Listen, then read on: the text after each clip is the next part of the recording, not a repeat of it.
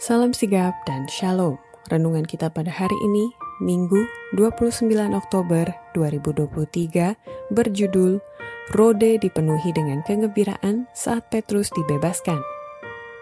Ayat intinya terdapat di dalam kisah para rasul 12 ayat 13 dan 14. Dan ketika ia mengetuk pintu gerbang, datanglah seorang hamba perempuan bernama Rode untuk mengetahui siapa yang mengetuk itu.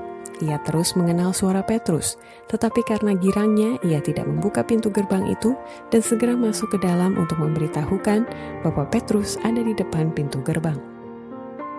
Pena Inspirasi menuliskan yang dimaksud dengan judul renungan kita pagi ini, Rode dipenuhi dengan kegembiraan saat Petrus dibebaskan, adalah sebuah panggilan kehidupan yang praktis agar kita senantiasa tetap berusaha untuk menjadi orang yang bahagia sebagai faktor yang menunjang kebahagiaan sejati dan sarana untuk memulihkan hubungan kita secara vertikal kepada Tuhan dan horizontal dengan sesama sebagai berikut.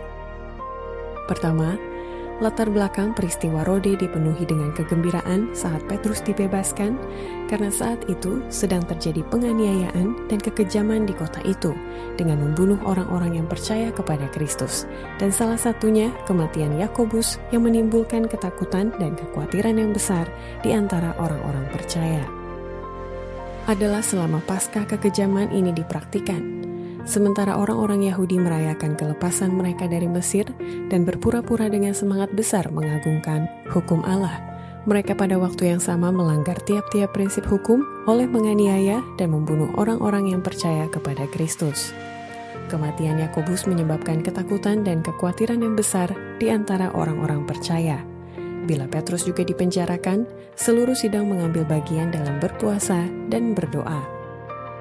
Kedua, Latar belakang peristiwa Rode dipenuhi dengan kegembiraan saat Petrus dibebaskan, karena saat itu kasus Petrus sangat serius, sehingga pelaksanaan hukuman Petrus ditangguhkan sampai sesudah Paskah. Dan kini mereka merasa telah sampai ke posisi atau keadaan di mana pertolongan Allah sudah tidak ada lagi dan sidang Kristus akan dibinasakan. Sementara dengan berbagai-bagai dalih, pelaksanaan hukuman Petrus ditangguhkan sampai sesudah Paskah. Anggota-anggota sidang mempunyai waktu untuk menyelidiki hatinya dengan sepenuhnya dan untuk berdoa dengan sungguh-sungguh. Mereka berdoa tanpa henti-hentinya untuk Petrus, karena mereka merasa ia dapat dilepaskan dari maksud itu. Mereka menyadari bahwa mereka telah sampai ke tempat di mana tanpa pertolongan Allah, sidang Kristus akan dibinasakan.